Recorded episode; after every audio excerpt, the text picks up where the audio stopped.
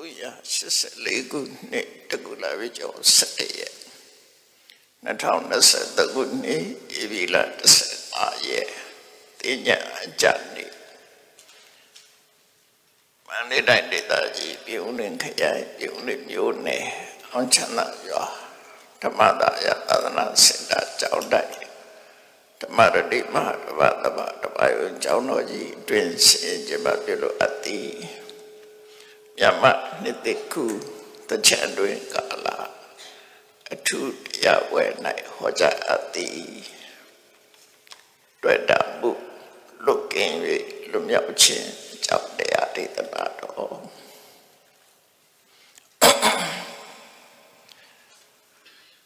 ဒီစကားလေးကမှတ်ထားဖို့ရ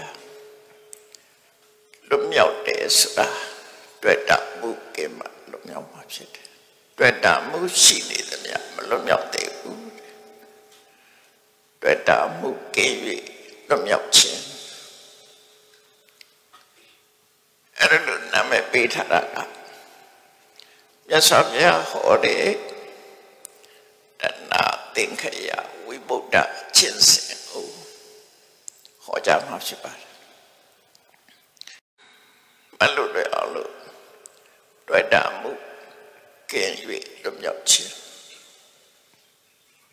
အော်တွေ့တာမှုမကင်းရင်လွတ်မြောက်မှုဆိုမရနိုင်ဘူးစာလေးကို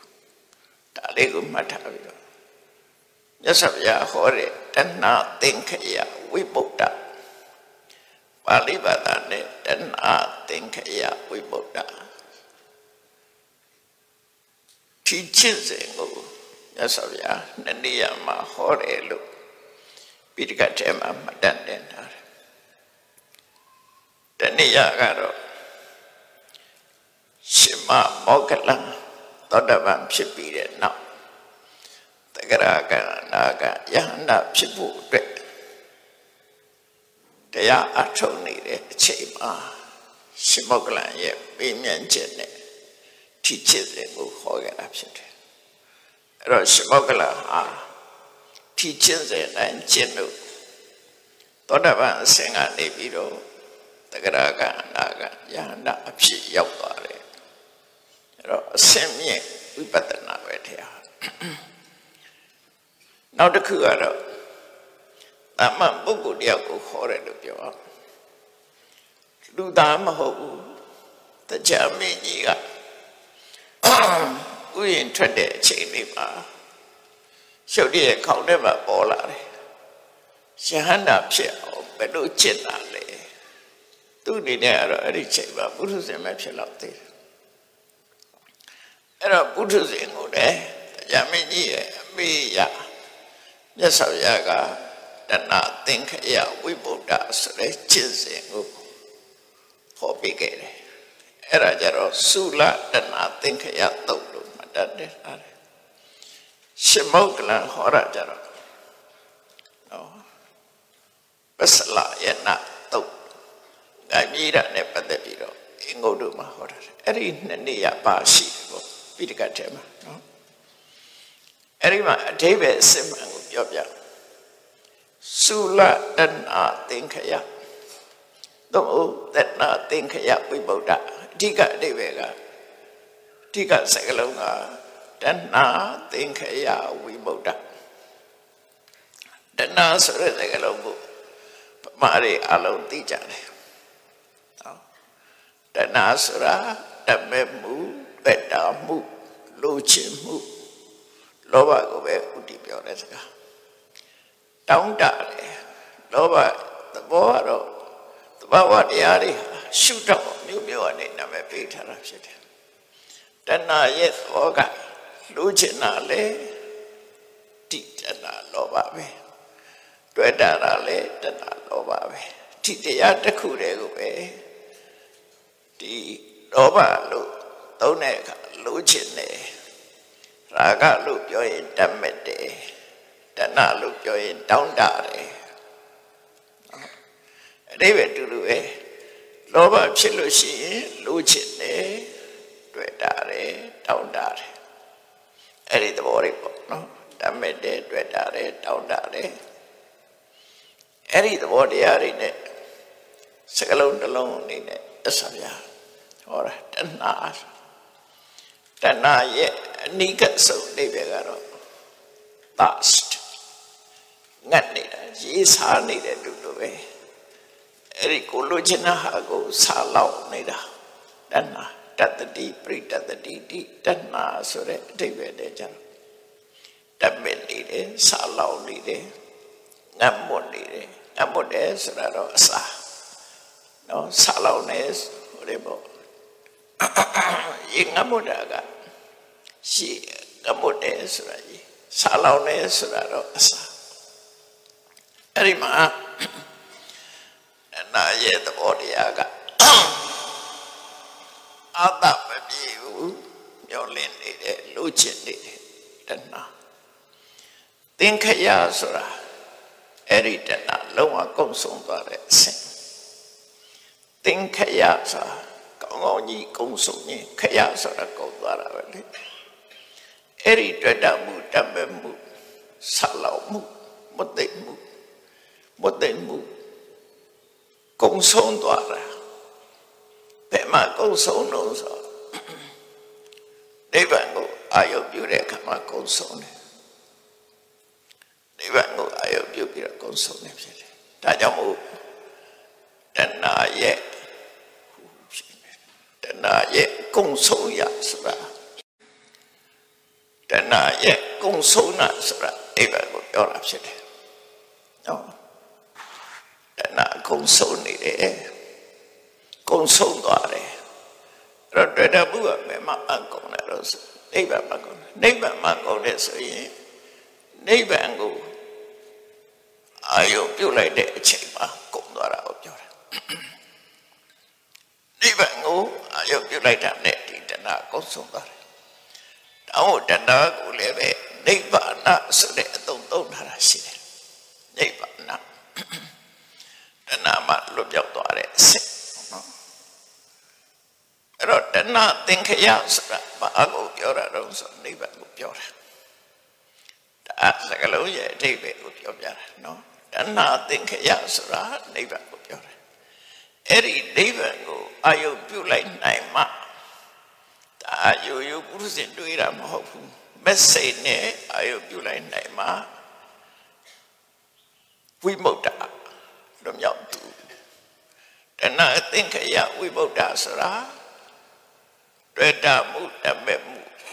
ကုံရနိဗ္ဗာန်ကိုအာယုပြုပြီးတော့ကိလေသာကလွမြောက်သူလို့အဓိပ္ပာယ်ရတယ်အဲ့ဒီပုဂ္ဂိုလ်ရဲ့ကျင့်စဉ်တဏှာသင်္ခယဝိမု ക്ത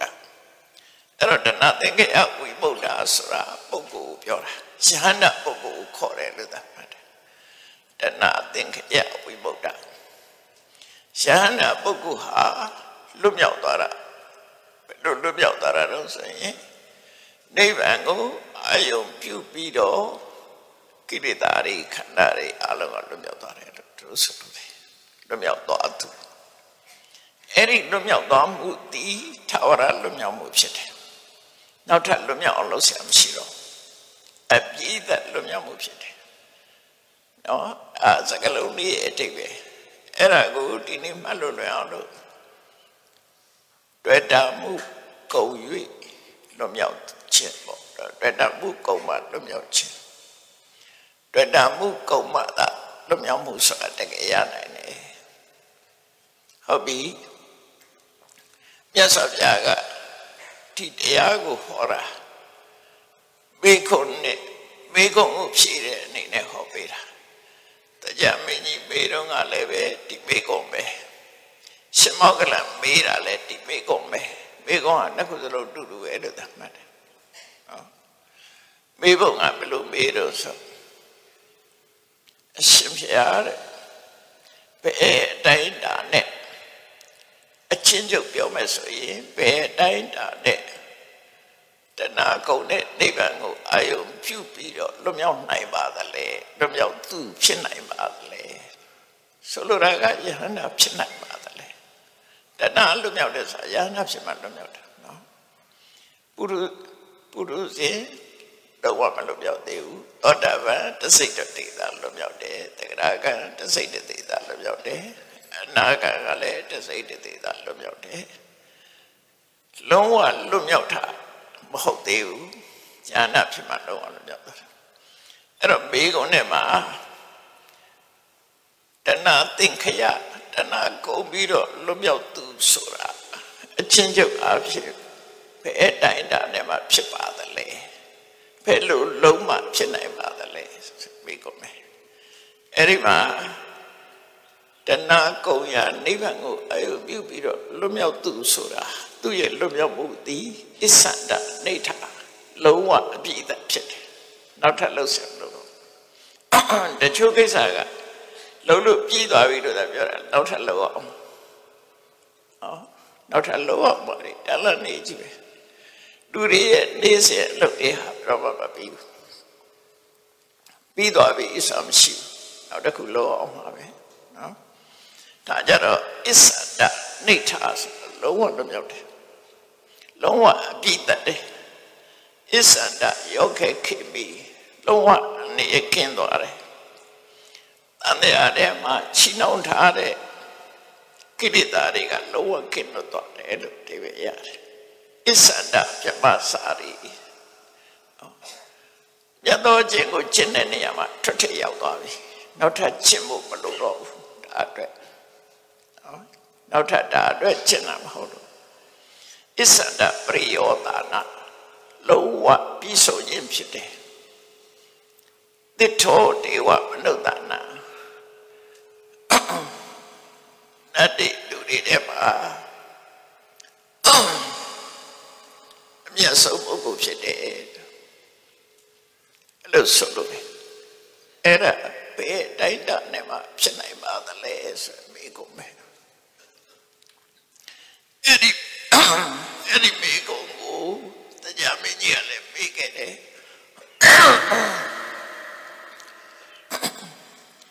တရားမင်းကြီးကလည်းပြီးတယ် ရှင်မမောက္ကလကလည်းပြီးခဲ့တယ်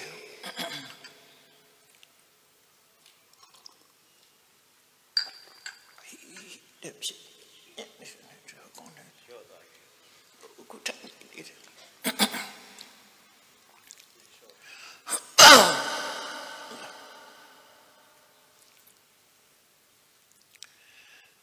အဲ့ဒီအဲ့ဒီမိကုန်ကိုပြီးတော့ညဆောက်ရကရှမောကလန်ကိုဖြေတာလေဒါအဲတရားမင်းကြီးကိုဖြေပေးခဲ့ တာလေဒါပဲဒါပေမဲ့လို့ဒီအဖြေကအလွန်အစင်မြတ်တဲ့အဖြေဖိကိနာတွေအတွက်မဟုတ်ဘူးဟောလုပ်ငန်းတစ်ခုကလုံနေလို့ဥပမာဝိပဿနာကျင့်စဉ်ကျင့်နေတဲ့ခရီးတော်ရောက်နေပြီဆိုတဲ့ပုံကိုယ်တွေကိုခေါ်တဲ့ဟာခုမှစပြီးတော့ဝိပဿနာလုံးလုံးမဲ့ဆိုရင်ဒါမဟုတ်ဘူးအဲ့ဒါတွေတော့တတိချရ မယ်နော်မြတ်စွာဘုရားဟောတဲ့အတိပ္ပယ်တွေကိုကြည့်ဆိုင်ပြီးနားထောင်ကြည့်ဘုရားကပထမဆုံးသိယူမှတ်သားထားရမယ့်အချက်ကပါတော့အဲ့ဒီပထမဆုံးတွေ့တာမှုကင်းပြတ်၍လွတ်မြောက်မှုရဖို့အတွက်ပထမဆုံးကပါလေဆိုတော့ရသော်ရတောက်လိုက်တဲ့စကားလုံးကတပိဓမ္မာနာ လံအဘိနိဝေဒယတပိဓမ္မာနာလံအဘိနိဝေဒယတပိဓမ္မာဆိုတာအဘိသင်္ခါရတဲ့တူတူပဲနော်ဓမ္မအားလုံးလို့ပြောတယ်ဘာတွေကိုပြောတာတော့ဆိုခန္ဓာ၅ပါးအာယရဏ7ပါး18ပါးဒါတွေအလုံးနာယုတ်တွေအလုံးကိုပြောတာသဗ္ဗေဓမ္မာ နာလံအဘိနိဝေဒယအဘိနိဝေဒဆိုတာဘယ်လိုတွေးတာတော့ဆိုရင်ဒီယုံနဲ့နံဒီခန္ဓာ၅ပါးကိုငါဟာလို့တွေးတာတဏှာတွေးပြီငါလို့တွေးတာကဒိဋ္ဌိအတွေးငါနဲ့ငါငါနဲ့ငါဆိုတာဘာပြောတာတော့ဆိုတရဝပုဂ္ဂိုလ်နေနဲ့တွေ့နေတာ ဒါတွေကသဘာဝတရားတသက်တာဖြစ်တယ်ငါလည်းမဟုတ်ဘူးငါဟာလည်းမဟုတ်ဘူးဆိုအမြင်အဘိနိဝေဒဆိုတာလွဲမှားတဲ့အတွေးလွဲမှားတဲ့အတွေ့ဘယ်လိုတွေးတဲ့အတွေ့ကလွဲမှားတာတော့ဆိုရင်တဏှအမြင်နဲ့တွေးတာအတ္တလက္ခဏာတော့ပါတယ်မဟုတ်လားဣတံမမထိယုတ်တရားဟာငါဟာပဲလို့တွေးလို့ရှိရင်ဒါတဏှအတွေ့ခေါ်တယ် ဣသောမိအတ္တလို့တွေးရင်ထိယုတ်တရားဟာငါရဲ့အတ္တပဲသို့မဟုတ်ငါပဲလို့တွေးတာအဲ့ဒါဒိဋ္ဌိအတွေ့အဲ့ဒီတဏှဒိဋ္ဌိအတွေ့နဲ့မတွေးသင့်ဘူးတဲ့အဲဒီစကလုံးလေးကိုပြန်မှတ်တာရှုံးနံတရားခန္ဓာ၅ပါးသဘာဝတရားမှန်သမျှကို ဘယ်တော့မှငါဟာလို့မတွေးနဲ့ဘယ်တော့မှလည်းငါလို့တွေးနဲ့သဘာဝတရားတသက် just phenomena phenomena အစသူသဘာဝတိုင်းရှိတဲ့တရားတွေတော်မဟုတ်ဘူးပြုလို့သူမဟုတ်ဘူးခံစားသူမဟုတ်ဘူးဟောဒီကိုယ်ဘဝကို control လုပ်နေတဲ့ပုဂ္ဂိုလ်မဟုတ်ဘူးလို့ဆိုလို့တယ် ကာရကဆိုတာဒူဝါတခုလုံးတာအမှစကားပြောတာဘသူပြောတာလဲဘသူကကမ္မထအထောက်တာလဲဘသူကတရားကျင့်နေတာလဲဘသူတွေပါလုပ်နေတယ်အဲ့ဘသူဆိုတာမရှိဘူးရှုံးနေမှဖြစ်တာအဲ့ဒါကိုကြက်ကြက်ကြည့်စဉ်းစားနိုင်အောင်လူလို့တွေးလိုက်တာနဲ့မှားသွားပြီလမ်းကြောင်းလွယ်နေပြီမိရထားဆိုရင်ဒါလမ်းကြောင်းမဟုတ်တော့ဘူးမောက်ဖို့ပဲရှိတယ် အဲ့ဒီတွေးတာဘယ်သူလဲတွေးသူမရှိဘူးလုပ်သူမရှိဘူးပြောဆိုသူမရှိဘူးအုပ်ဆိုးသူမရှိဘူးထရိုးလုပ်သူမရှိဘူးကာရကဆိုပြုလုပ်သူပฏิဝေရကဆိုခံစားသူဒါတွေမရှိဘူးအာမိအရှင်ဆိုလည်းမရှိဘူးသူတို့ဘယ်သူကပိုက်ရှင်လဲဘယ်သူမှမရှိဘူးဒီထဲမှာ တဝဝတရားတွေတစ်ခုနဲ့တစ်ခုပေါင်းဆက်ပြီးတော့ဖြစ်နေတာအဖြစ်တယ်အဲ့ဒါကိုသဗ္ဗေဓမ္မာအလံအဘိဓိဝေတာရတယ်အဲ့စကလုံးလေးကိုမှတ်ထားဖို့နော်ဆိုကြည့်မယ်သဗ္ဗေဓမ္မာအလံအဘိဓိဝေတာယ အဘိဓမ္မာအလံအဘိဓိဝေတာယတို့တို့လေးပဲအဲ့ဒါကမ္မထလမ်းညောင်းမို့ရောက်ချင်တယ်ဆိုလို့ရှိရင်အဲ့သိအရေးကြီးတယ်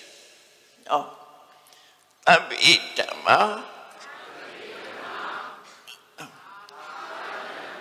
အဘိနိဝေဒယအလံဆိုတာ နာအလံနာဆိုတာလံဆိုတာသိလျော်တယ်နာအလံဆိုတာမသိလျော်ဘူးမတွေးနဲ့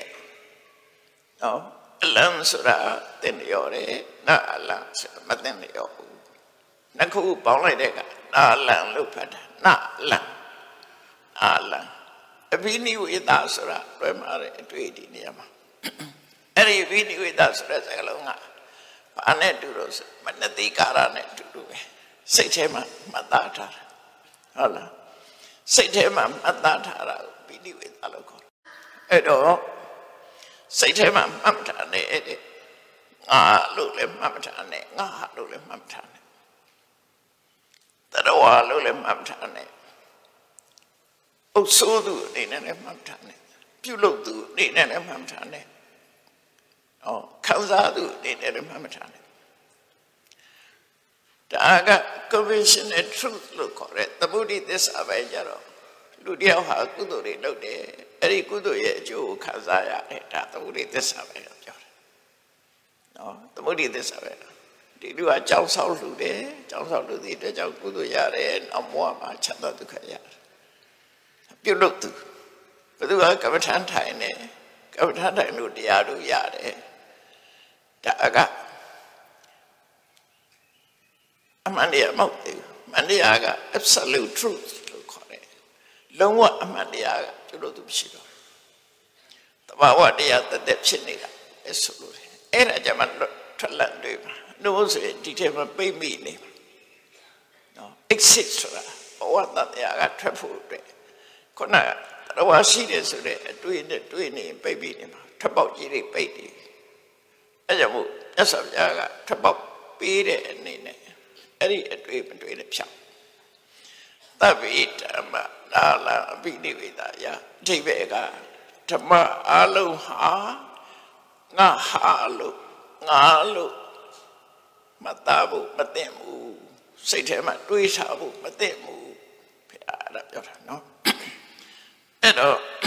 ဘာဖြစ်လို့မသိတာလဲရသော်ဗျာအဲ့ဒါကိုတော့ရှင်းမပြဘာ ဖြစ်လို့မသိတာလဲဆိုအထက်ကရာအကဖြည့်ဆွဲပြီးတော့ရှင်းပြတယ်ထင်းတဲ့အတိုင်းမဖြစ်လို့တဲ့ဟုတ်တော့လားကိုထင်းတဲ့အတိုင်းဘာတစ်ခုမှမဖြစ်ဘူးကိုထင်းတာမဖြစ်ဘူးကိုကထင်းနေတာတရားလို့ထင်းတာမဟုတ်ဘူးကြည့်လိုက်တော့တရားရှာလို့မရဘူးတခုခွဲခြားဆိုင်ပြကြည့်လိုက်တဲ့အခါကျတော့ပြုလို့သူစားမရှိတော့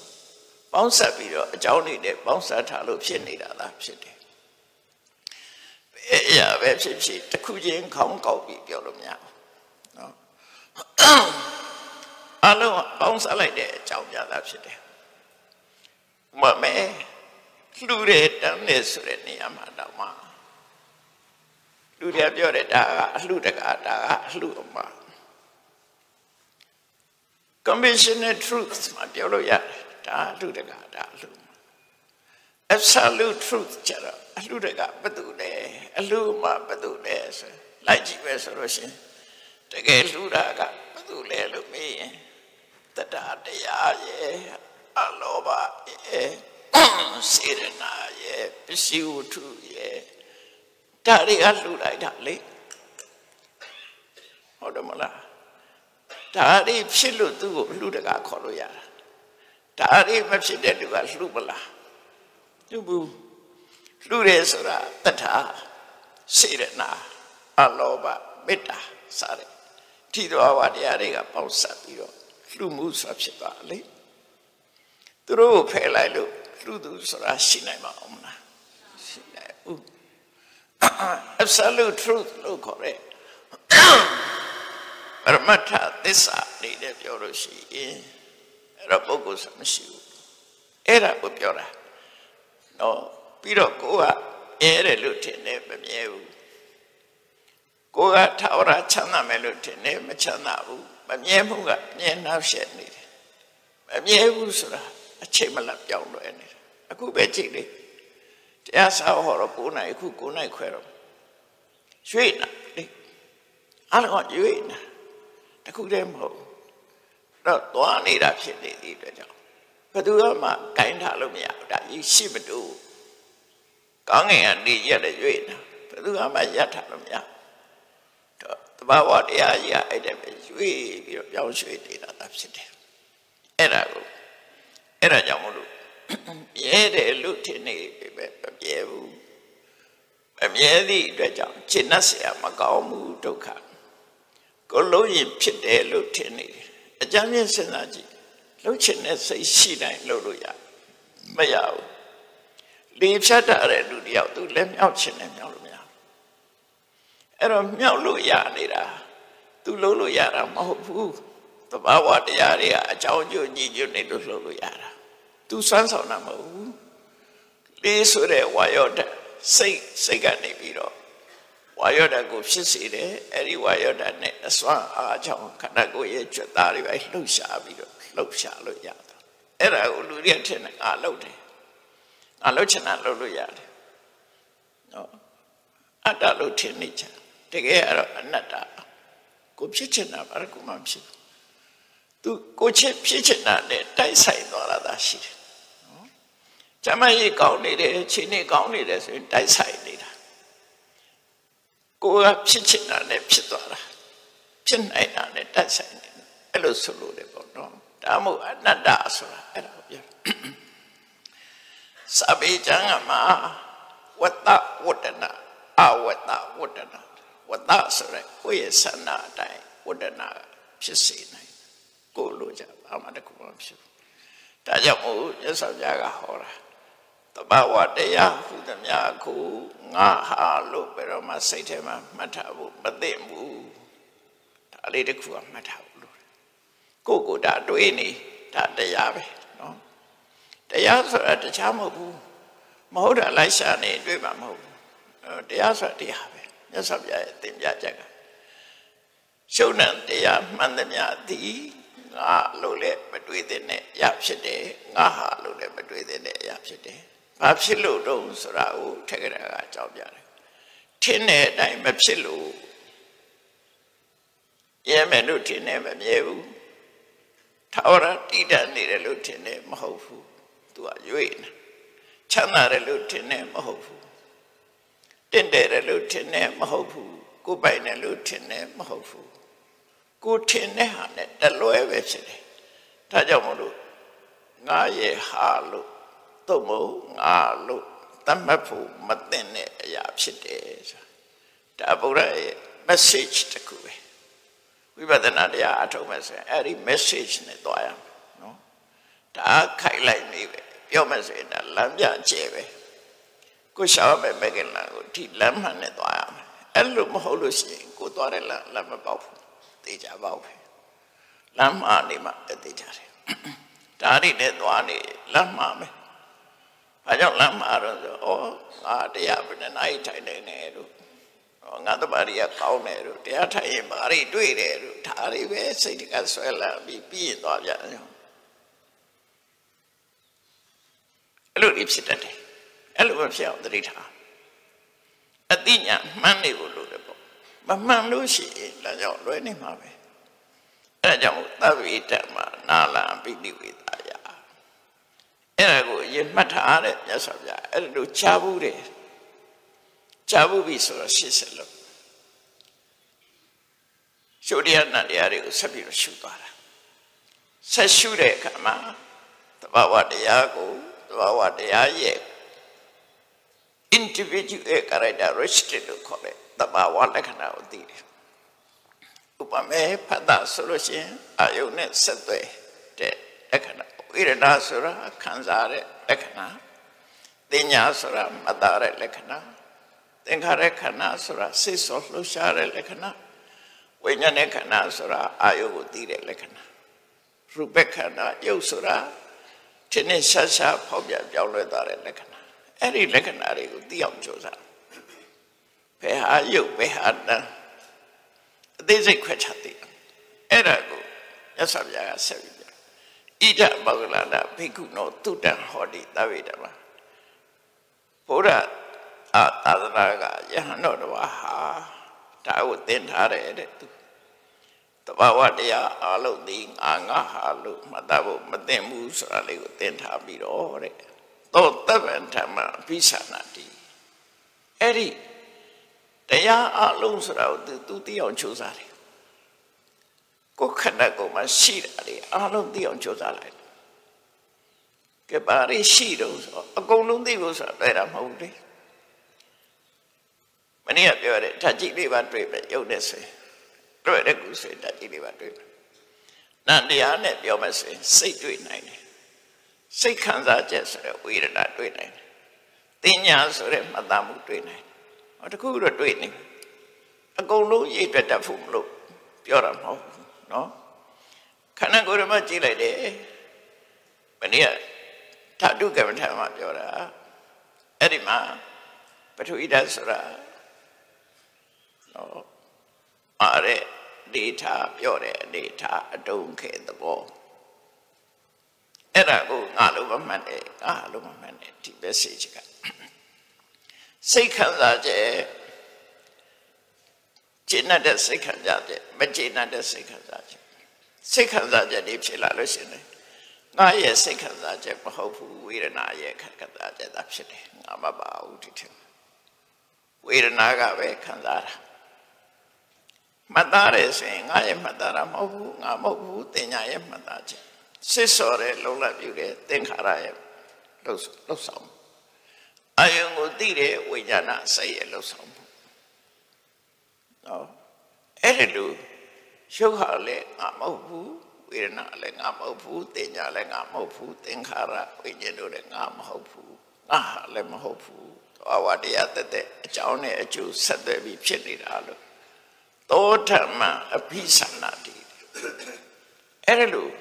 တည်တည်ချာချာသိလာတဘာဝတရားတွေကိုတဘာဝအတိုင်းသိရလို့ပြောအဲ့ဒါကိုပြောတဲ့အခါမှာပစ္စတလက္ခဏာတန်လက္ခဏာထဝသေနာဆို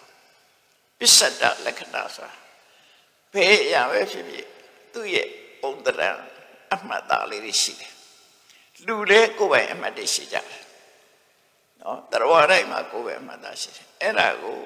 လက္ခဏာလို့ပြောတာလက္ခဏာကနှမျိုးခွဲရမယ်ပထမက individual characteristics ကိုယ်ပိုင်အမှတ်သားရှုပ်ဆိုရင်ဟောပြန်ပြောင်းလဲသွားတယ်ဝေဒနာဆိုရင်ခံစားရတယ်တင်ညာဆိုဒါအကိုယ်ပိုင်အမှတ်သားဒါဒီအမှတ်သားတွေ့ခြင်းဒီတရားကိုတွေ့ခြင်းပဲဖြစ်တယ်မှတ်သားရှုတော့ကနေကြည့်အောင် ပထဝီဓာတ်ကိုကြည့်ပဲဆိုရင်ကက္ခလလက္ခဏာပြောတယ်ပါတယ်မာတယ်ဒုံခဲသဘောအဘောဓဆိုလို့ရှိရင်အပန္နနာဖွဲ့စည်းတတ်တယ်နော်အပန္နနာဖွဲ့စည်းတတ်တယ်နောက်တစ်ခါယူစည်းတတ်တယ်တရားဝနာလက္ခဏာတေဇောဓဆိုရင်ပူတယ်ဒါတေဇောဓရဲ့လက္ခဏာဝါယောဓဆိုရင်လှုပ်ရှားတယ်ရွေ့ရှားတယ်တွန်းကန်တယ်ဝိဋ္ဌပနာ ဒါသူ့ရဲ့သဘာဝလက္ခဏာတွေအဲ့ဒါကိုပြောတာသောတပ္ပန္တမအဘိသနာတိကိုယ်တဏ္ဍမှာရှိတဲ့ခန္ဓာ၅ပါးကိုတစ်ခုစီတစ်ခုစီတွေ့ရဓာတ်ကြီးလေးပါတွေ့တယ်စိတ်ခန္ဓာကြောင့်ဝေဒနာတွေ့တယ်ဘာပဲတွေ့တယ်တွေ့ပြီဟုတ်ပြီတွေ့လာပြီးတဲ့အခါမှာတပ္ပန္တမအပိညာယတပ္ပန္တမပရိသနာတိပိုင်းပိုင်းခြားခြားသိရမယ်နော် အဘိသနာတိနဲ့ပရိသနာတိကဘာထူလို့ဆိုအဘိသနာတိကသဘာဝတရားကိုလက္ခဏာရှုတော့ကစုပ်ကင်ပြီးတာညာတပရိညာလို့ခေါ်တယ်ညာတပရိညာသဘာဝတရားရဲ့လက္ခဏာကိုစပြီးတော့ကင်ပြီးတယ်သဘာဝတရားကိုမိလိုက်တာနဲ့အကြောင်းကိုလည်းသိသွားတယ်ဉာဏ်စင်နဲ့ပြောမယ်ဆိုလို့ရှိရင်အမရူပပြိစေရဉာဏ်နဲ့ပစ္စယပြိကညာ ဒါဝိပဿနာရဲ့ foundation ပဲဒီနှစ်ခုအရင်ဖြစ်ရမယ်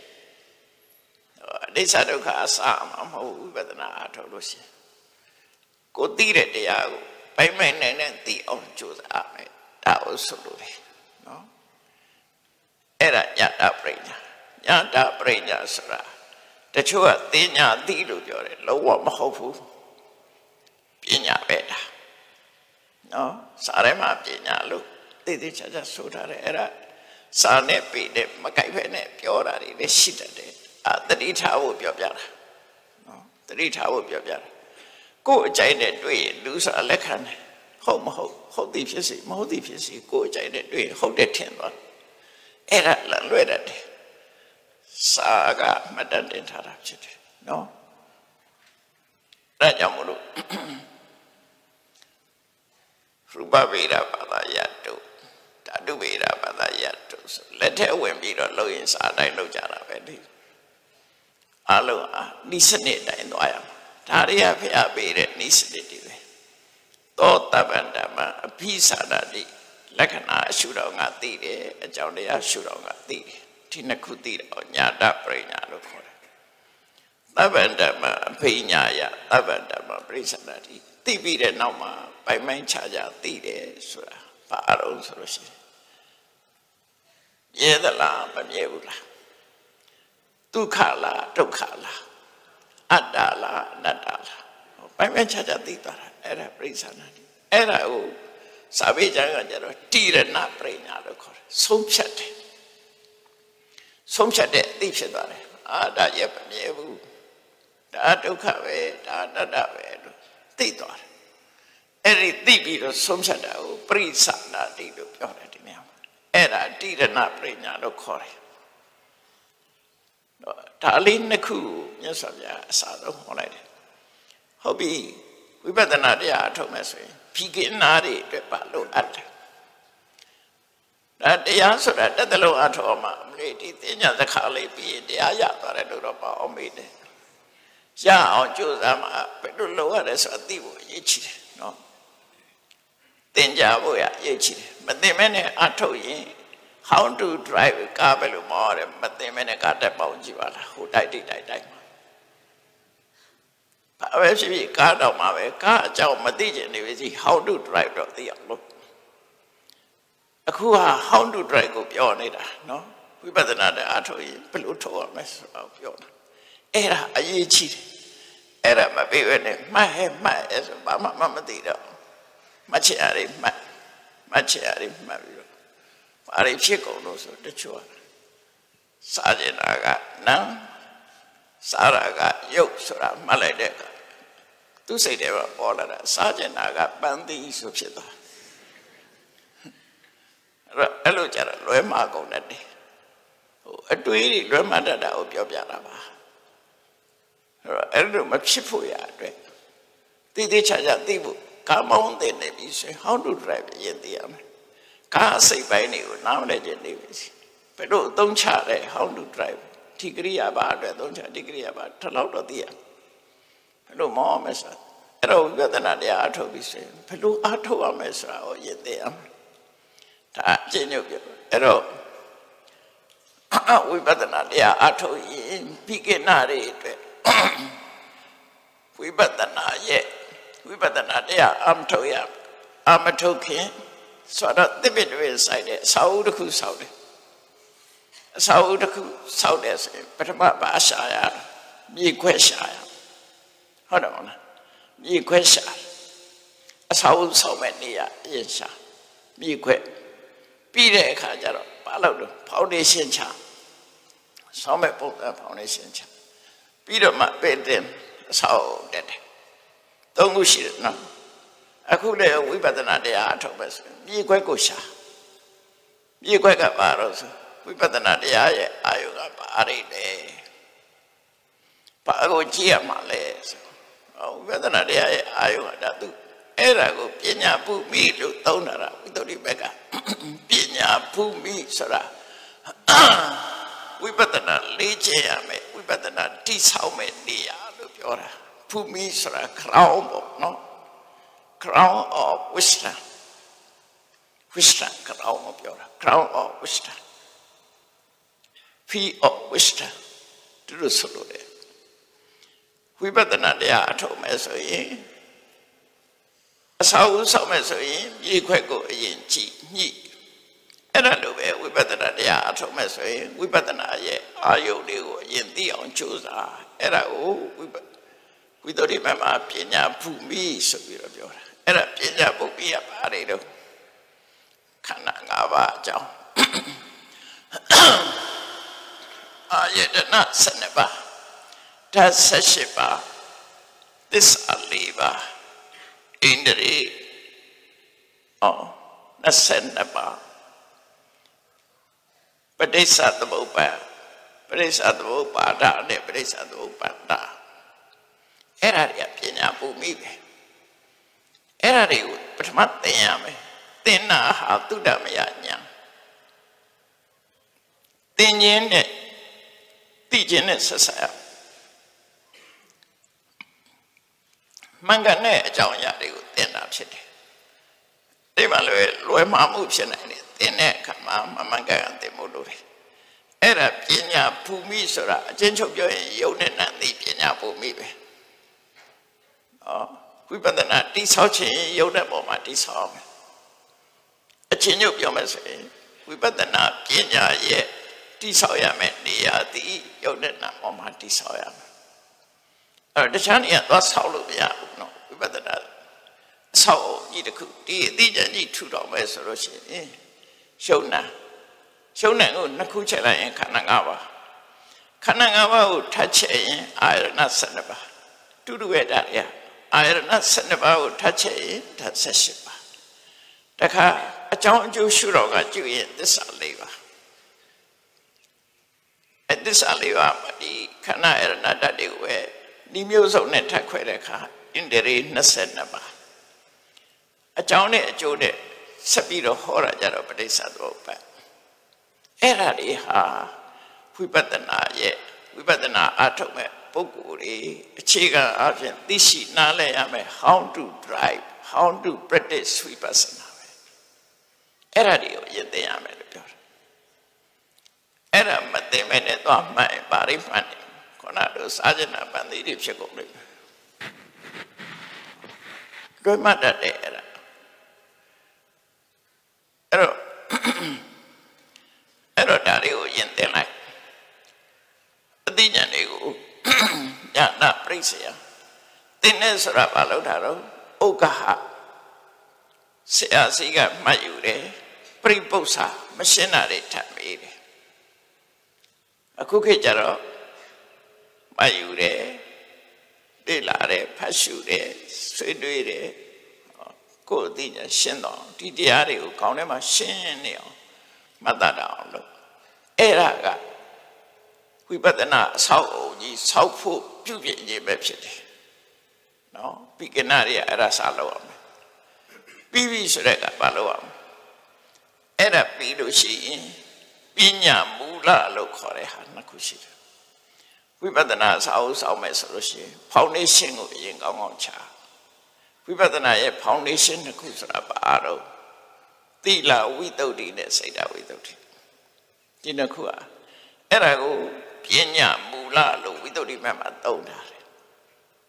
ပညာဘူမိပြီးရင်ပညာမူလပညာရဲ့အခြေအမြစ်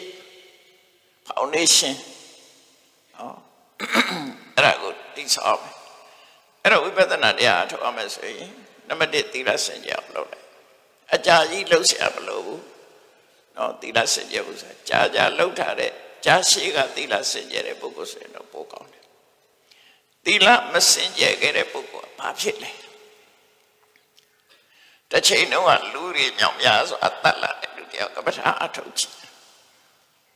ကပ္ပထာအထုတ်ရင်ဘာပေါ်လဲမဟုတ်တာတွေလှုပ်လာတဲ့ပုဂ္ဂိုလ်တယောက်ဒီတရားထိုင်လိုက်တာနဲ့အဲ့ဒီပုံရိပ်တွေအကောက်နဲ့ဝင်လာကြားထိုင်လို့မရတော့ရှင်အင်္ဂုလိမလာကိုပြောပြအဲ့ဒီတိုင်းသာမှတ်တာ အဲ့ကြောင့်မို့ကိုချင်းတိလာဆိုတာကြားရှိစွာကဆောက်တည်လာတဲ့ကိုချင်းတိလာလဲဆိုရင်ပို့ကောင်းတယ်အကယ်၍ပုထုဇဉ်မှုအမှားတွေအများကြီးလုပ်ခဲ့တယ်ခုတော့အမှန် restore ပြန်လုပ်မယ်ကိုယ့်ကိုပြုတ်ပြမယ်ဆိုရင်ပြင်းတော့မကြသေးဘူးနော်ပြင်မယ်ဆိုလို့ရှိရင်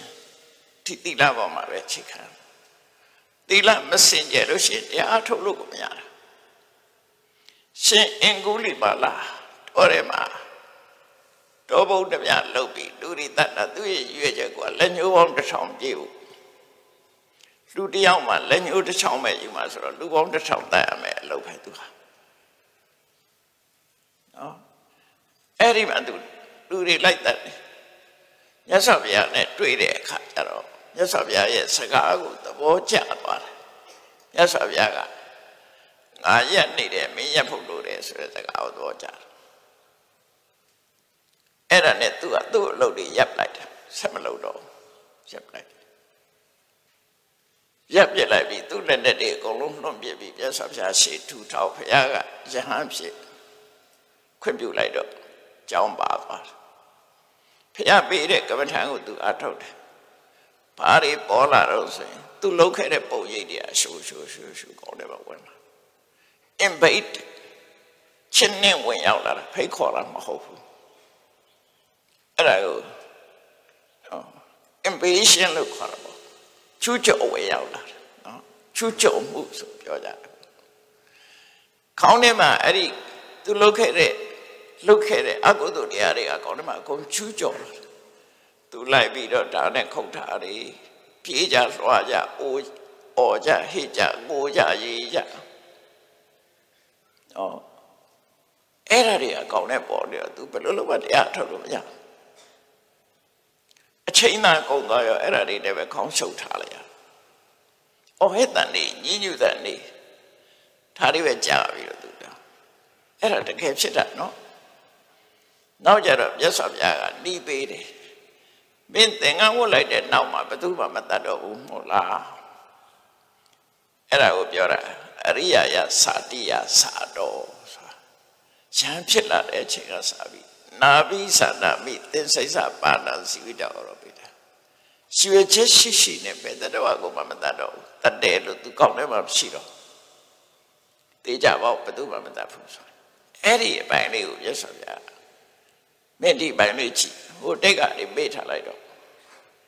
သင်္ကန်းဝတ်လာတဲ့အချိန်ကဒါလေအဲ့ဒီကြမှာအတော်အသင့်ခေါင်းရှင်းသွားတယ်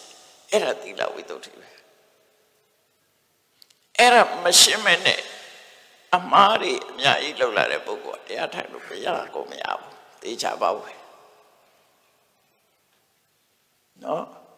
ဒါတွေပဲတွေ့နေမှာပဲဖြောက်ဖို့ဆိုတာလုံးခက်တယ်ကိုလုခဲ့တဲ့အမှားတွေဟာပြန်ပေါ်နေတာပဲပြဲတာအဲ့ဒါကိုဝိပတိတာရလို့ခေါ်တယ်အဲ့ဒါတွေမပေါ်အောင်ထိန်းချုပ်နိုင်ရမယ်ခုနအခုရှင်ကုဏိမာလာကိုနှီးပေးတဲ့အတိုင်းပဲဒီကနေ့ကစာပြီးကဒါတွေမလုပ်ပါဘူး ဖြတ်လိုက်လုံးဝဖြတ်လိုက်ဖြတ်ပြီးတော့ဒီနောက်ပိုင်းတန်ရှင်တဲ့အခြေအနေကိုကြည့်ဒါကြောင့်မို့ကမ္ဘာထားတော့ပဲဆိုတီလာဆောက်တည်လိုက်ဆောက်တည်လိုက်ပြီးတော့အခုအာကိုကိုခုပစ္စကဆက်ဆက်ဘယ်သူမှငါဒုက္ခမပေးဘူးငါတီလာလုံးနေတယ်လို့စိတ်တပါနှလုံးအဲ့ဒီပေါ်မှာတီလာဆိုတာ happiness or innocent တီလာကိုအကြောင်းပြုပြီးတော့အပြစ်ကင်းတဲ့ချမ်းသာရတယ် အဲ့ဒါသိအရေးကြီးတယ်ပေါ့ဒါကြောင့် foundation ဆိုတာဝိပဿနာရဲ့ foundation ဝိပဿနာမူလပညာမူလဆိုတာသီလဝိတ္တုတဲ့အဲ့ဒီသီလဝိတ္တုရှိပြီဆိုတဲ့အခါကျမှခုနစိတ်တဝိတ္တုတမာရိရနိုင်တယ်စိတ်တဝိတ္တုဆိုတာတမာရိကိုပြောတာကိုယ်စိတ်လေးကိုကမ္မထာအာယုပေါ်မှာစူးစီးပေးလိုက်တဲ့အချိန်လေးပါအလွယ်တကူရသွားတယ် ဒါမို့စိတ်တဝိတ္တုဆိုတာဥစ္စာရတမာတိနဲ့အပ္ပဒတမာတိဆံရသည့်ထီအောင်ရှိတဲ့တမာတိကတော့ခိုင်မာတယ်ဆံမရခြင်းနေဆန္ဒကတ်သွားလောက်အောင်တည်ငြိမ်တဲ့တမာတိမျိုးရသွားရင်ဝိပဿနာသွားလို့ရတယ်သို့မဟုတ်ခဏိကတမာတိအခိုက်အတန့်နေဒီမှာတည်တတ်သွားတဲ့တမာတိရှိရင်လည်းဝိပဿနာလုပ်လို့ရတယ်တမာတိကသုံးမျိုးရှိတယ်နံပါတ်1ကခဏိကတမာတိဆို အခိုက်အတန့်အခိုက်အတန့်လေးတွေမှာတည်သွားတဲ့တမာတိဥပ္ပစာရတမာတိဆိုတာဇံရဲ့အနိမဖြစ်တဲ့တမာတိနောက်တစ်ခါအပ္ပနာတမာတိဆိုတာဇံအဆင့်ရောက်သည့်ထီအောင်ဒီတည်ငြိမ်သွားတဲ့တမာတိစွတ်တက်ထားသလိုဖြစ်သွားတယ်ခိုင်မြဲသွားတဲ့တမာတိအဲ့ဒီတမာတိ၃မျိုးမရှိဘဲနဲ့ဝိပဿနာဆောင်ဖြစ်ဖို့တခုဖြစ်ရမယ်အဲ့တော့ စဉ်းစားရမှာသီလဝိတ္တုမဖြစ်ပြရင်စိတ်တဝိတ္တုမဖြစ်ဘူးတချို့ကတော့ဆင်ကြီးပေးကြလိမ့်မယ်တဏ္ဍတိမကြီးဟာအရက်မှုပြီးတော့ပျော်မြူးနေတဲ့အချိန်မှာဘုရားတရားဟောရရနာဖြစ်သွားတယ်။ပါဇက်ကအရင်နံတော့မပြောက်သေးဘူးရနာဖြစ်သွား။အဲ့ဒါလေးကိုအာပြုပြီးတော့ပြရလေးတောက်ပြီးတော့တရားအထုတ်ချင်။တဏ္ဍတိတို့များဖြစ်မလား။ တကယ်ကရှုပ်ဝဲချက်ကိုသူတို့မသိလိုက်ဘူးတဏ္ဍတိမကျက်ဖရာတရားနာလိုက်ကြတဲ့ဒီအလုပ်တွေကမှားတယ်ငါဘယ်တော့မှမလုပ်တော့လုံးဝစိတ်ပြတ်လိုက်နော်တဏိဋ္ဌံချတာတိလလုံးဝလုံသွားတယ်အဲ့ချိန်မှာတိလလုံသွားတဲ့အပေါ်မှာခုနသူစိတ်ကိုထိဆောင်းနိုင်တယ်ထိဆောင်းနိုင်တော့စိတ်တဝိတ္တုဖြစ်တယ်အဲ့ဒါကြောင့်မလို့မြတ်စွာဘုရားဟောတရားကိုလက်ခံပြီးရနာဖြစ်တာ အဲ့ဒါကြတော့ဘလို့သုံးလုံးဆိုပညာပရိဒေါတံသီလံ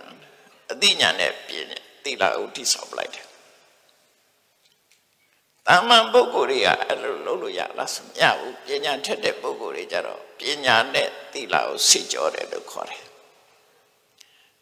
တာမန်ပုဂ္ဂိုလ်တွေကြတော့သီလနဲ့ကိုအရင်စိတ်ကြောနေရပဲပညာပညာတောက်ပြောင်မှုအတွက်သီလနဲ့စိတ်ကြောနေရမယ် သီလနဲ့ကြာကြာကြီးစိတ်ကြောနိုင်မှပညာစာဖြစ်မယ်နော်အဲတယောက်နဲ့တယောက်မတူဘူးသွားပြီးတော့အရက်ကလေးတပြပြနဲ့ကမ္မထာအားထုတ်ရတယ်လို့အောင်းမေ့နေတယ်တော့အဲ့တော့သီလဤ happiness or innocence ကိုပေးတယ်တမာတိသည်တည်ငြိမ်ချမ်းသာမှုအေးချမ်းမှုဆိုတဲ့ချမ်းသာအဲ့တော့သီလဝိတ္တုသည်တမာတိကို သီလဝိတ္တုသည်စိတ်တဝိတ္တုဆိုတဲ့တမာတိအတွက်ထောက်ကူဖြစ်တယ်သီလဝိတ္တုဖြစ်မှစိတ်တဝိတ္တုဖြစ်တယ်အဲ့ဒီသီလဝိတ္တုနဲ့စိတ်တဝိတ္တုနှစ်ခုသည်ဝိပဿနာရဲ့ foundation ခုနကပြေးခွဲမှာတစ်ခါလေ့ကျင့်တယ်နော်ပြေးပြင်းကိုရင်ရှာပြီးတော့ပြင်ဆင်တယ်ပြီးတဲ့အခါကျတော့ဝိပဿနာဆောက်အုံကြီးဆောက်ဖို့ရတဲ့ foundation ချတယ် အဲ့ဒါကိုဝိသုဒ္ဓိဘက်မှာပညာမူလလို့သုံးထားတာဖြစ်တယ်နော်ပညာမူလပညာမူလပေါ်မှာမလုပ်တော့ဆိုရင်နောက်ဟာကျတော့ပညာတရိတာဒိဋ္ဌိဝိတ္တုကစပြီးတော့ဝိပဿနာဉာဏ်စတာခုနသဗ္ဗေဓမ္မနာလံပိဋိဝေတာယဆိုတာအဲ့ဒါပြောတာဒိဋ္ဌိဝိတ္တုဖြစ်တာနော် ဒါကြောင့်မို့အဆင့်ကျော်ပေးထားတာလို့မြတ်စွာဘုရားဘာတွေအဆင့်ကျော်ထားတော့ခုနကသင်ရမယ်ပညာဘုမိဆိုတာနားလည်ပြီးသားပုဂ္ဂိုလ်ကိုအဆင့်ကျော်လိုက်တယ်သီလဝိတ္တုဆိုတဲ့အဆင့်ကိုကျော်ထားတယ်စိတ်တဝိတ္တုဆိုတဲ့အဆင့်ကိုကျော်လိုက်တယ်သုံးဆင့်ကြော်ထားတာအဲကြောင့်ဖိကနာတွေကဒီအစစ်မကြော်ပဲတဲ့စာစာပထမ သင်ယူမှတ်သားခြင်းသုတမယညာကိုတိဆောက်ခြင်းအဲ့ဒါပညာပူမိပဲကြောင်းကိုပြင်ဆင်တာအဲ့ဒါပြီးရင်သီလစင်ကြအောင်ကြိုးစားတာသီလဝိတ္တုပြီးတဲ့အခါကျတော့စိတ်စင်ကြမှုကိုကြိုးစားတာစိတ်တဝိတ္တုတမာတိထူထောင်တာအဲ့ဒါဝိပဿနာတရားအမထုတ်ခင်လောက်ရမယ့်အချက်ဒီအဲ့သုံးချက်ကိုမြတ်စွာဘုရားတဏသင်္ခယဝိဗုဒ္ဓကျင့်စဉ်မှာဒီနှစ်ခုဒီသုံးခုချောဖဲထားလိုက်တယ်။ ဘာဖြစ်လို့ဖဲထားတော့ဆိုသူတို့ကဘီကနာမဟုတ်ဘူးလေ။ဘီကနာတွေအတွက်ကြတော့ဒီကျင့်စဉ်တွေပဲသွားမယ်။အဲ့တော့နော်တဗ္ဗေဓမ္မနာလံပိဋိဝေတာယဆိုတာပညာတရိဒပညာအထီးကိုဘစ်တင်ဆောက်ပြီးခဏဖောင်ဒေးရှင်းချလိုက်ပြီးချပြီးရင်အစာဥစာတင်ပြီအစာဥစာတင်တဲ့အခါဘာနဲ့တင်ရမလို့ဆို သဗ္ဗေဓမ္မနာလံပိဋိဝေဒယငါသိထားတဲ့ငါသင်ထားတဲ့ဓမ္မ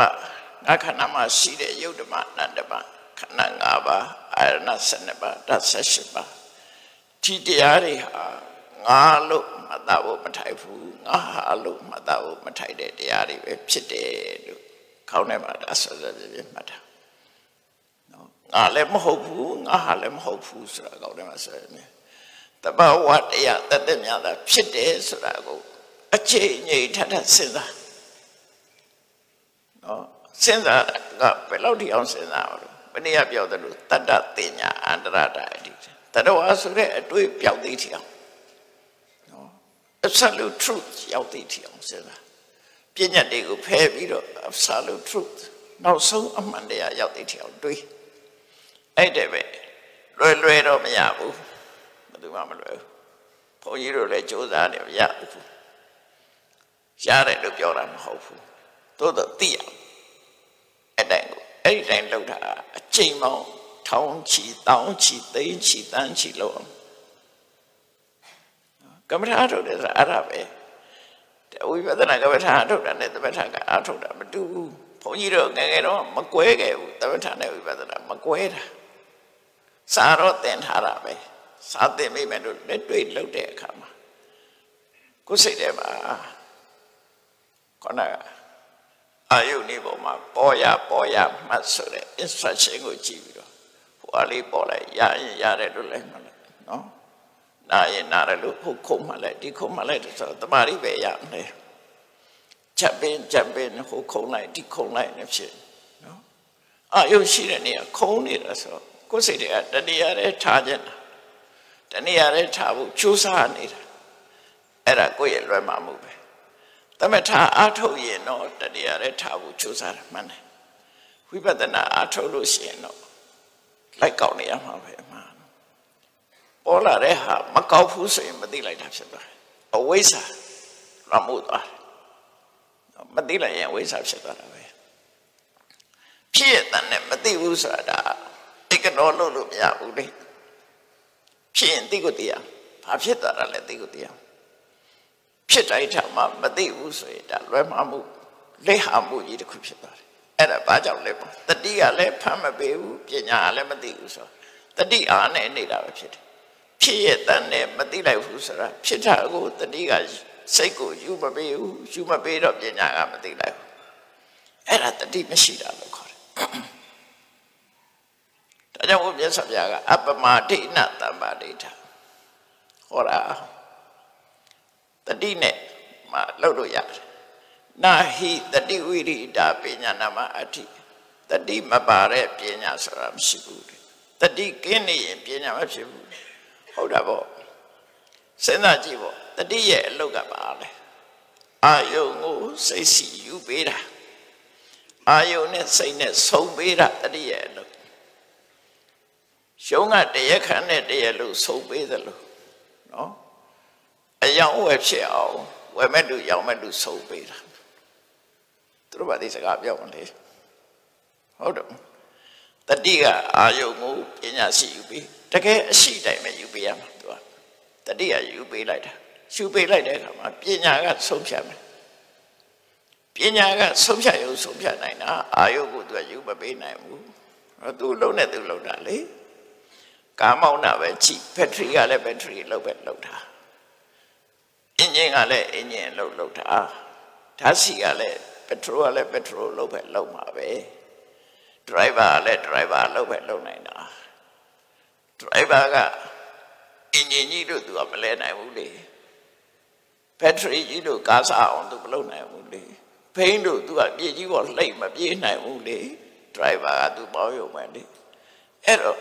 function ချင်းမတူဘူးဆိုတာကိုသတိထား function နဲ့တွေ့ရတယ်တရားတစ်ခုဆိုတာ function သူ့ရဲ့လှုပ်ဆောင်မှုတွေတစ်ခုနဲ့တစ်ခုမတူတာတတိရဲ့လှုပ်ဆောင်မှုသည်အာယုံကိုစိတ်ကိုစိတ်နဲ့ဆုံတွေးပေးတာအဲ့ဒါတတိသူကမှဆုံမပေးရင်ပညာလောက်မပေးဘူးအယောင်အဝဲသမားနှစ်ခုကိုပွဲစားကဆုံမပေးဘူးဆိုရင်အယောင်ဝဲဖြစ်ဘူးဆုံပေးရမှာဆုံမဖြစ်မှာလေ အဲ့တော့ပဲအလုံးဆုံပေးတာဆုံပေးတဲ့အခါကျတော့ပညာနဲ့ဆုံဖြတ်ပေးတာအဲ့ဒီသဘောပြောတာနော်ပညာနဲ့ဆုံဖြတ်ပေးအဲ့တော့တတိနဲ့ပညာဒီနှစ်ခုအသိအရေးပါတယ်ကမ္မထာ